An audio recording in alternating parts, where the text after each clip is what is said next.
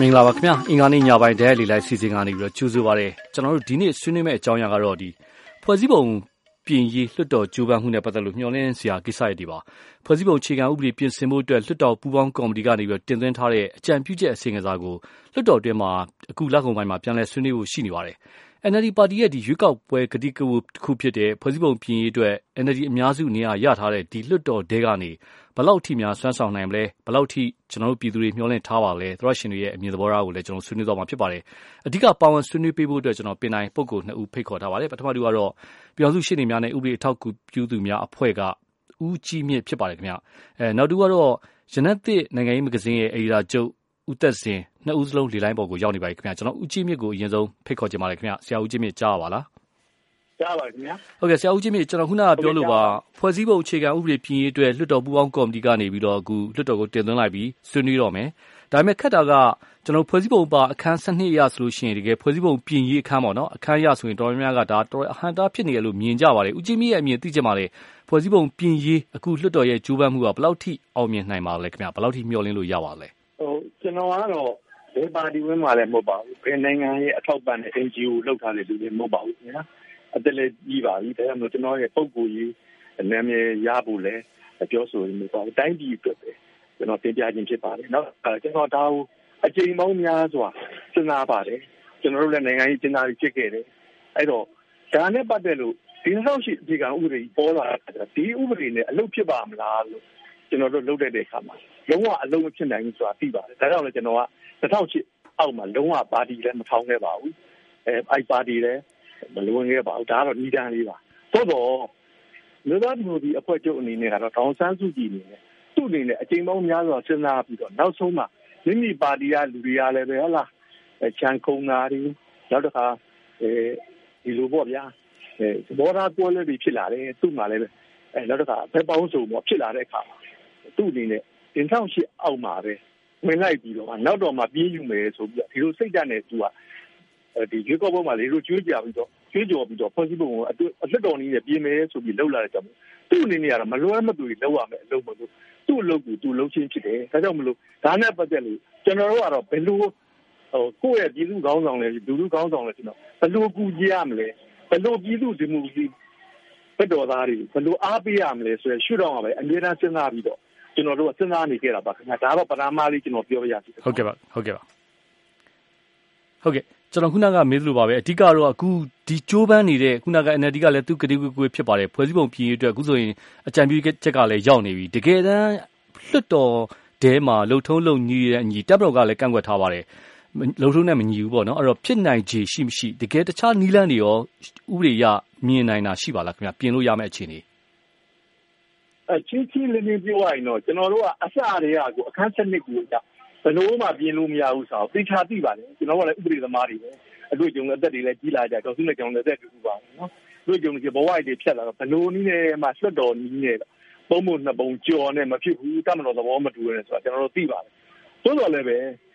သို့တော်လည်းပဲဒါနဲ့ဟလာဒီလိုနည်းနဲ့မရတော့ဘူးမရတော့ဘူးဆိုပြီးလက်မှန်ချနေပြီမဖြစ်သေးဘူးဒါတော့ကျွန်တော်တို့ကတော့အကြိမ်ကြိမ်အဖန်ဖန်ပေါ့လေဒါဒါမှမဟုတ်ဘလို့ဖောက်ထွေရမလဲဘလို့ တိုင်းပြည်အတွက်အကြံပေးရမယ်ဆိုတော့အစဉ်စဉ်းစားတဲ့အခါမှာကျွန်တော်တို့မှာတော့အဲအကြံတခုအကြံစီတင်ပြဖို့ဆိုရှိပါတယ်ကွာ။ဆိုတော့လေလူသားဒီမိုကရေစီအဖွဲ့ချုပ်ကအင်းနဲ့အားတိုင်းပေါ့ပြည်စည်းရေးကိုလုပ်နေကြတယ်ဆက်တော်မှာဆွေးနွေးတဲ့အခါမှာတော့ကျွန်တော်အများနည်းနည်းပြောတာစောမလားဆိုပြီးတော့လည်းတော့အားနာမိပါတယ်တိုးတော်လည်းပဲတာဝန်ရဲလို့ဖြစ်လာတဲ့ခါရင်ကြတော့ကျွန်တော်တည်တည်လင်းလင်းဟလာအကြံပေးရတော့မှာပေါ့လေအဲ့ဒါတော့ဘာလဲဆိုလို့ရှိရင်2008အခြေခံဥပဒေမှာကျွန်တော်တို့ပြည်နဲ့ဥစ္စာကိုပဲ လွတ်တော်ကနေပြောဟိုဒီကျွန်တော်အခြေခံဥပဒေကကန့်တတ်ထားပါတယ်436ကာကြီးခါဝင်းနဲ့ဘယ်လိုပြင်ရမယ်ဆိုတဲ့ဥစ္စာကိုပဲကန့်တတ်ထားတယ်ဘယ်လိုဟလာခုနကပြောဟိုတီးသူလူလူကကြိုက်မကြိုက်ဘူးနော်နောက်တစ်ခါအစားထိုးလို့ရမရဆိုတဲ့ဥစ္စာတွေနဲ့ပတ်သက်လို့2008အခြေခံဥပဒေမှာပြဋ္ဌာန်းတာကျွန်တော်လုံးဝမတွေ့ဘူးဒါကိုကျွန်တော်ကွယ်လွန်သွားတဲ့ရှင်းနေဥပဒေရဆိုလို့ချင်းဒါကိုဟလာလွတ်တော်နေရာဆုံးဖြတ်ပြီးတော့ပြည်သူနည်းနဲ့အစားထိုးရမယ်ဆိုပြီးတော့ သူကဒီလိုတော့မှပဲအသက်တွေခံပြီးပြောသွားတာရှိပါတယ်ကျွန်တော်ကတော့သူနဲ့နည်းနည်းလေးကွဲလွဲပြီးပြောချင်တာကတော့ဒါကိုရွှတ်တော်ကနေပြီးတော့ရွှတ်တော်နီးပဲ2008အခြေခံဥပဒေကိုမဆက်ကျင်ဘူးရွှတ်တော်နီးနဲ့ပဲရွှတ်တော်ကနေပြီးတော့လဲဆန္ဒပေးနိုင်တဲ့ကိုယ်စားလှယ်ပေါ့ NLD ကဆို65ရာခိုင်နှုန်းရှိတယ်အဲ့ဒါခက်ဝက်ကြော်ပေါ့ထက်ဝက်ကျော်ရမယ်ဆိုလို့ရှိရင်ဒီ2008အခြေခံဥပဒေကြီးကိုသူ12နှစ်လည်းရှိပြီအဲ့ဒီအချိန်မှာပြန်လဲသုံးသပ်တင်နေပြီလို့အချိန်ရောက်ပြီဒါကြောင့်မလို့သူတို့ ဒါမဲခွဲဆုံးဖြတ်ပြီးတော့လူထုဆန္ဒခံကိုလုပ်လိုက်မယ်ဆိုရင်တော့ဒါဥပဒေနဲ့ညီပါတယ်ဆိုတော့ကျွန်တော်ပဏာမလို့ပြောကြည့်ပါလေခင်ဗျာဟုတ်ကဲ့လက်ရှိတည်ဆဲဥပဒေမှာရောလူထုဆန္ဒခံယူမှုနဲ့ပတ်သက်လို့အဲ့လောက်ထိလုပ်ပိုင်ခွင့်ပေးထားပါလားခင်ဗျာအာသူကဒါလူခိုပဲလောရဲ့ဆက်ပေါက်တယ်သူကဘယ်မရမဆိုကျွန်တော်တို့တွေအမှုကောင်မြောင်များဆိုတာလိုက်လာတဲ့အခါမှာကျွန်တော်တို့ကြည့်လိုက်တာနဲ့ဒီတိုင်းနဲ့ကျွန်တော်တို့ကတရေလိုဘက်ကဆိုရင်အလိုစစ်စားအမတန်စစ်စား အဲဒါမှမဟုတ်တရေဘက်ကကြည့်လိုက်တဲ့အခါမှာသူ့ရဲ့လူခိုတိုက်နေတာပဲဘယ်နေရာဟားနေဆိုတော့အဲ့ဒါနဲ့ကျွန်တော်တို့က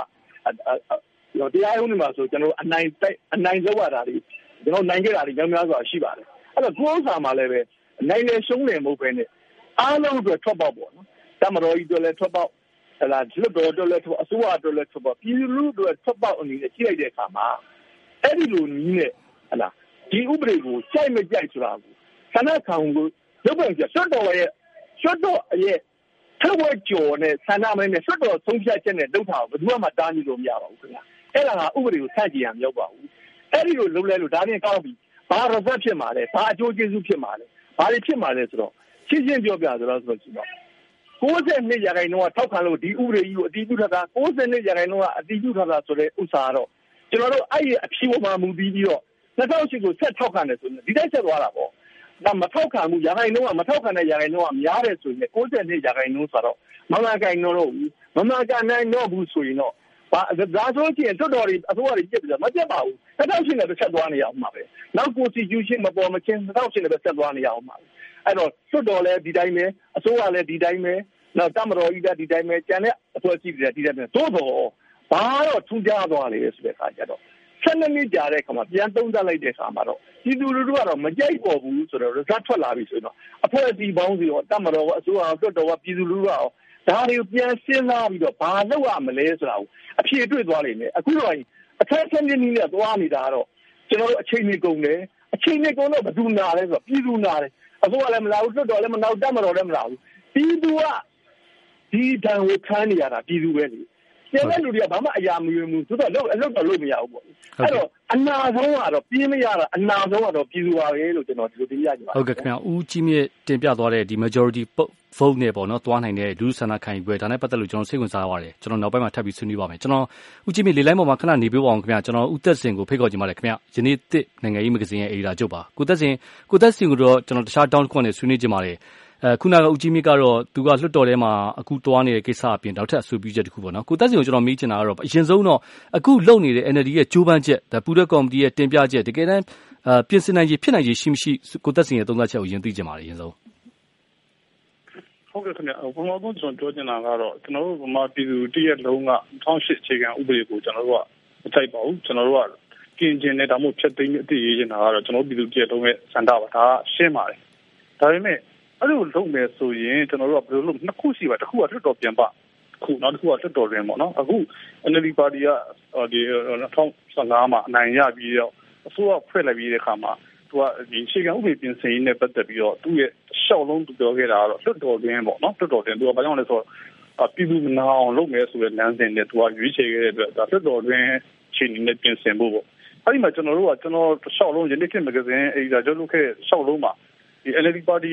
ရုပ်ောက်ပဲနိုင်ပြတဲ့အချိန်မှာကျွန်တော်တို့ဘာပြောခဲ့လဲဆိုလို့ရှိရင်ကျွန်တော်တို့မြန်မာနိုင်ငံနိုင်ငံရေးအကျက်တရား2008ခြေခံဥပဒေပြဿနာဖြစ်တယ်အဲ့တော့အဲ့ဒါကိုဖြေရှင်းဖို့ဆိုလို့ရှိရင်ကျွန်တော်တို့က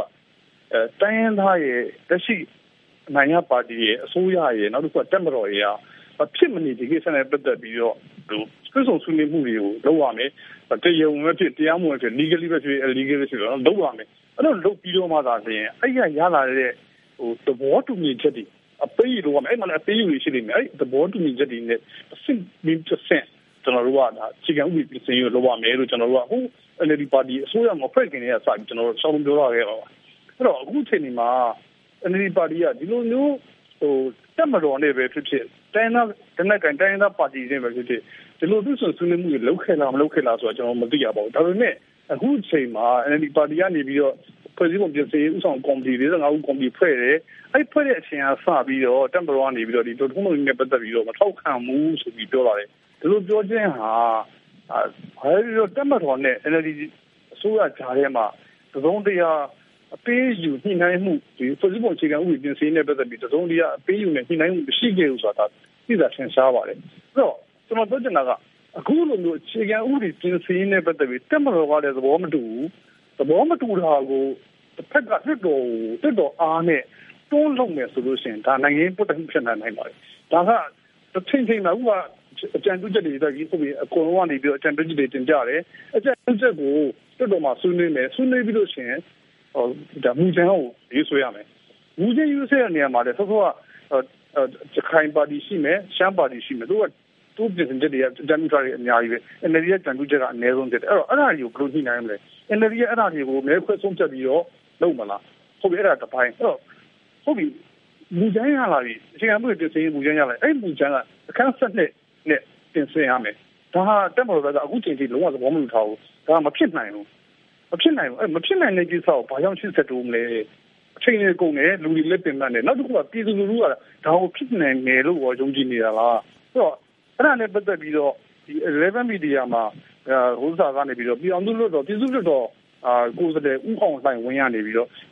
NLD ပါတီကလှုပ်ရှားရှိတယ်ကိုလှုပ်တာတဲ့ရှေးရှေးကိုမစမ်းသားဘူးတဲ့ဖြစ်နိုင်တယ်မဖြစ်နိုင်နိုင်ကတော့မတတ်နိုင်တို့ကလည်းမသိနိုင်ဘူးတို့ကဖျားတဲ့ခင်ဖို့အတွက်မသိနိုင်ဘူးဒါဟာနိုင်ငံသမားကြောက်ရပြောရမယ့်စကားမဟုတ်ဘူးနိုင်ငံသမားကြောက်ဆိုဖြစ်နိုင်ကြီးရှိတာလေအကုန်လုံးဖြစ်အောင်လုပ်ရမှာ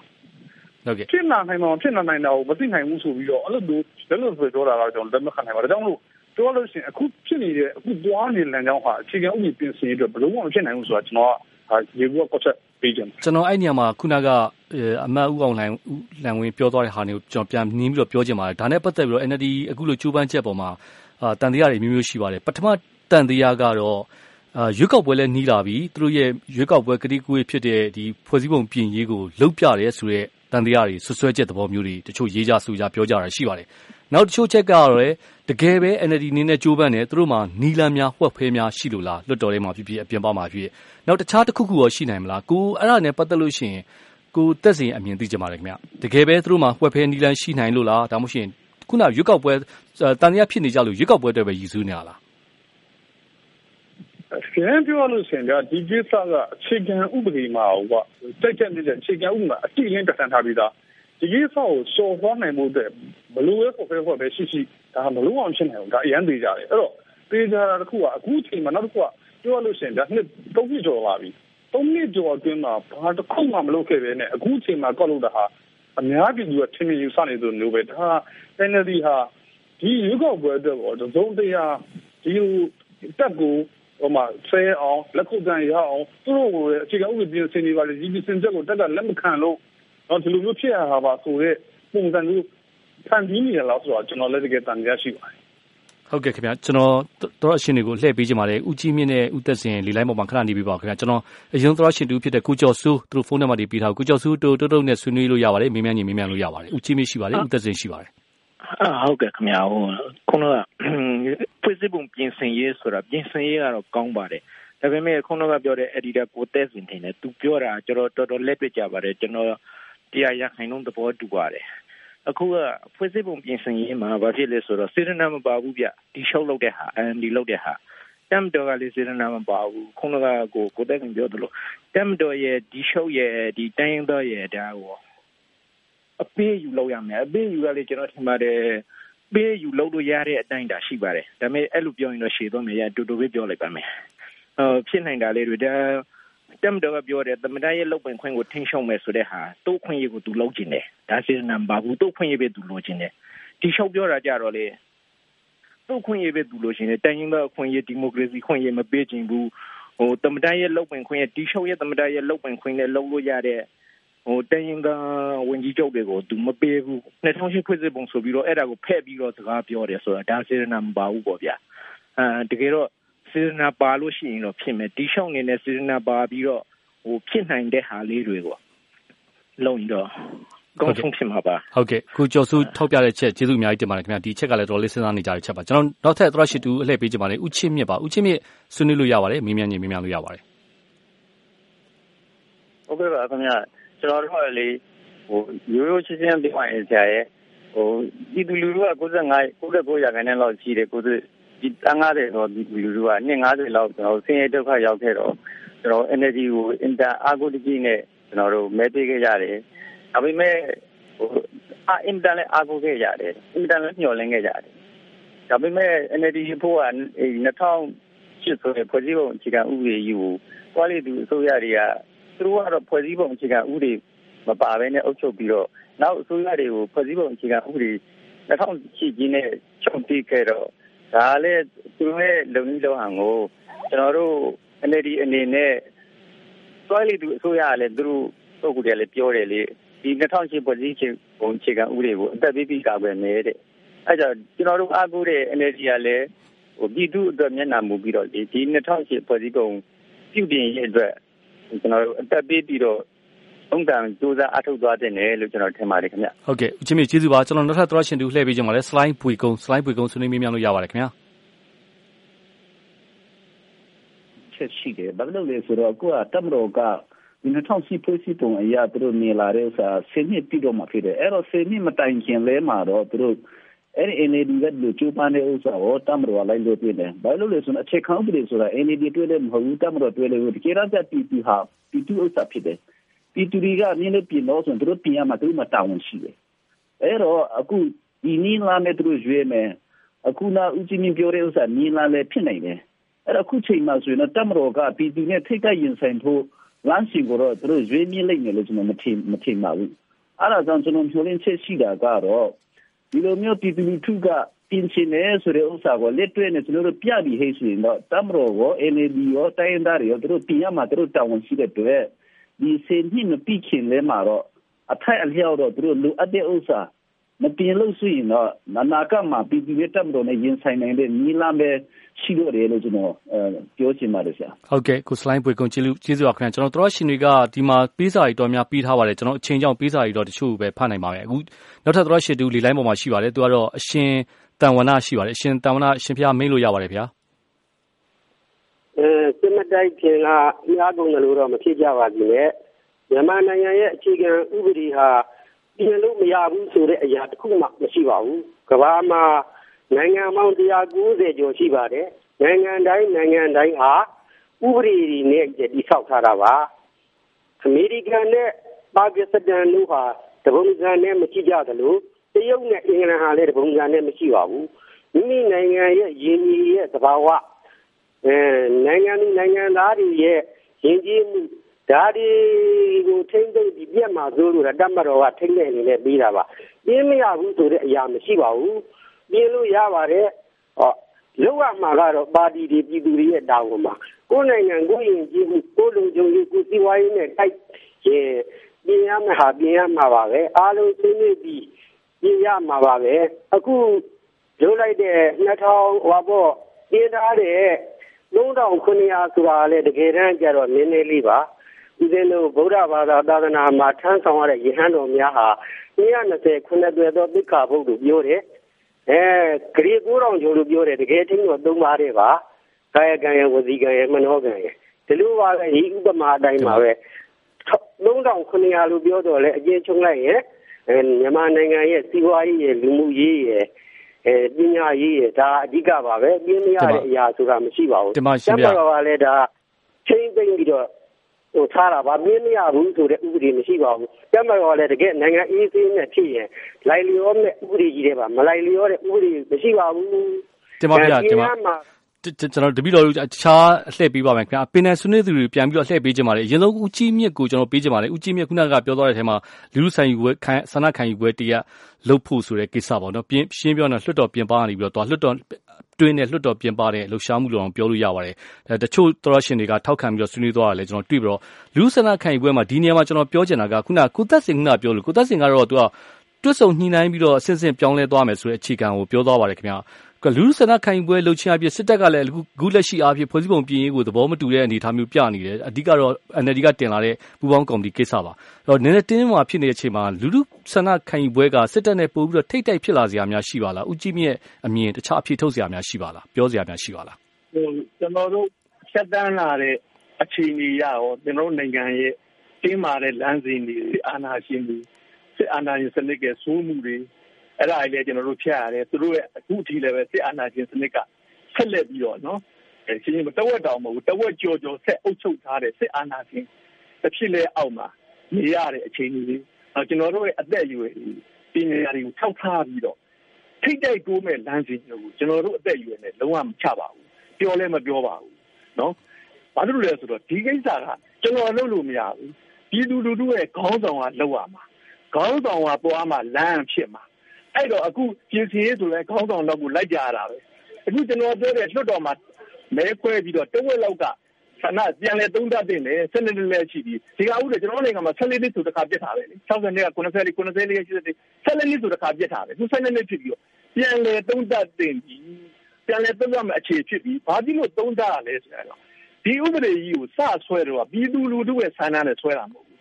နော်ရွေးကောက်ပွဲအနိုင်ရထားတဲ့ NLD ပါတီကဆွဲရတာမဟုတ်ဘူး အဲ့ဒီရွေးကောက်ပွဲအနိုင်ရထားတဲ့ NLD ပါတီကိုထုတ်ပြပြီးတော့သူတို့စိတ်ကသူတို့ပါသူတို့ဟာလာ SNLD တို့ NLD တို့ထုတ်ပြပြီးတော့စစ်တပ်ကဆွဲသွားတဲ့ဟလာသူတို့ကိုသူတို့ကာကွယ်သွားတဲ့ဥပဒေကြီးဖြစ်တယ်ပြည်သူလူထုကိုကာကွယ်ဖို့ဆွဲတာမဟုတ်ဘူးဒါအထင်ရှားတယ်နောက်နောက်တစ်ခါပါလဲဆိုရင်အဲ့ဒီဆွဲနေတဲ့အချိန်မှာဟုတ်ကဲ့ကျွန်တော်စက္ကန့်30ပဲချိန်ရပါတော့လေဦးကြီးမြင့်ဟုတ်ကဲ့မာမြေဆောင်96ရဒါကိုမဝေပါရမဆွေးနွေးရမရတာမဖြန့်ပြူရ ဖြန့်9နှစ်က20ချမယ်ဆိုတော့ဒီချင်းချောင်းမှုအောက်မှာလဲဒီဥပဒေကြီးပေါ်လာလားနောက်တစ်ခါလူရည်တွေမှားနေတယ်တကယ်ရှိတာလူရည်50တန်း58တန်းနဲ့ပြပြီးတော့ကျွန်တော်တို့လောမလည်းတော့လိန်လေလှည့်ပြခြင်းမတရားဩဇာတုံးခြင်းချင်းချောက်ခြင်းတွေအောက်မှာဆွဲထားတဲ့ဥပဒေမျိုးလို့ကျွန်တော်တို့တွေကကမ္ဘာအလယ်မှာတော့ကောင်းပြည်တွင်းမှာတော့အလွန်ရှက်ပွယ်လေးပြီးဖြစ်နေဥပဒေကြီးပြီးတော့ဘလို့မှကိုလုံမရဘူးသူဘာတိုးတယ်လဲဦးသိန်းစိန်လုပ်ထားတယ် ဟုတ်ကဲ့ဦးကြည်မြင့်လေးချုပ်ပြောပြပါခင်ဗျာဒါတိုးတယ်မှုရှိတယ်ဒေါ်ဆန်းစုကြည်လက်ထက်မှာအတော်လေးကိုအကြက်တဲတွေတွေ့တယ်အကြက်တဲကတွေ့တာမှသူတို့ကပိုးပိုးတည်တာအဲ့တော့မလို့ကျွန်တော်တို့ကဒါကိုကြားပြီးတော့ခုနကကျွန်တော်ပဲဥဒ္ဒရှင်ပြောတဲ့ဥစားကျွန်တော်တို့ဟလာအမှန်ထောက်ခံတယ်ကျွန်တော်ဒါဘာလို့လဲဆိုဒါဟုတ်ကဲ့ကျွန်တော်တို့တရားလေးလိုက်အစီအစဉ်အချင်းဆေးတော်လို့ပါခင်ဗျာအဓိကပါဝင်ဆွေးနွေးပေးတဲ့ဆရာဦးကြီးမြင့်နဲ့ကုသက်စင်တနက်သရရှင်တွေအားလုံးကိုကျေးဇူးအများကြီးတင်ပါတယ်ခင်ဗျာတရားလေးလိုက်အစီအစဉ်တော့ဒီမှာပဲကျွန်တော်ဝင်ပြပါခင်ဗျာ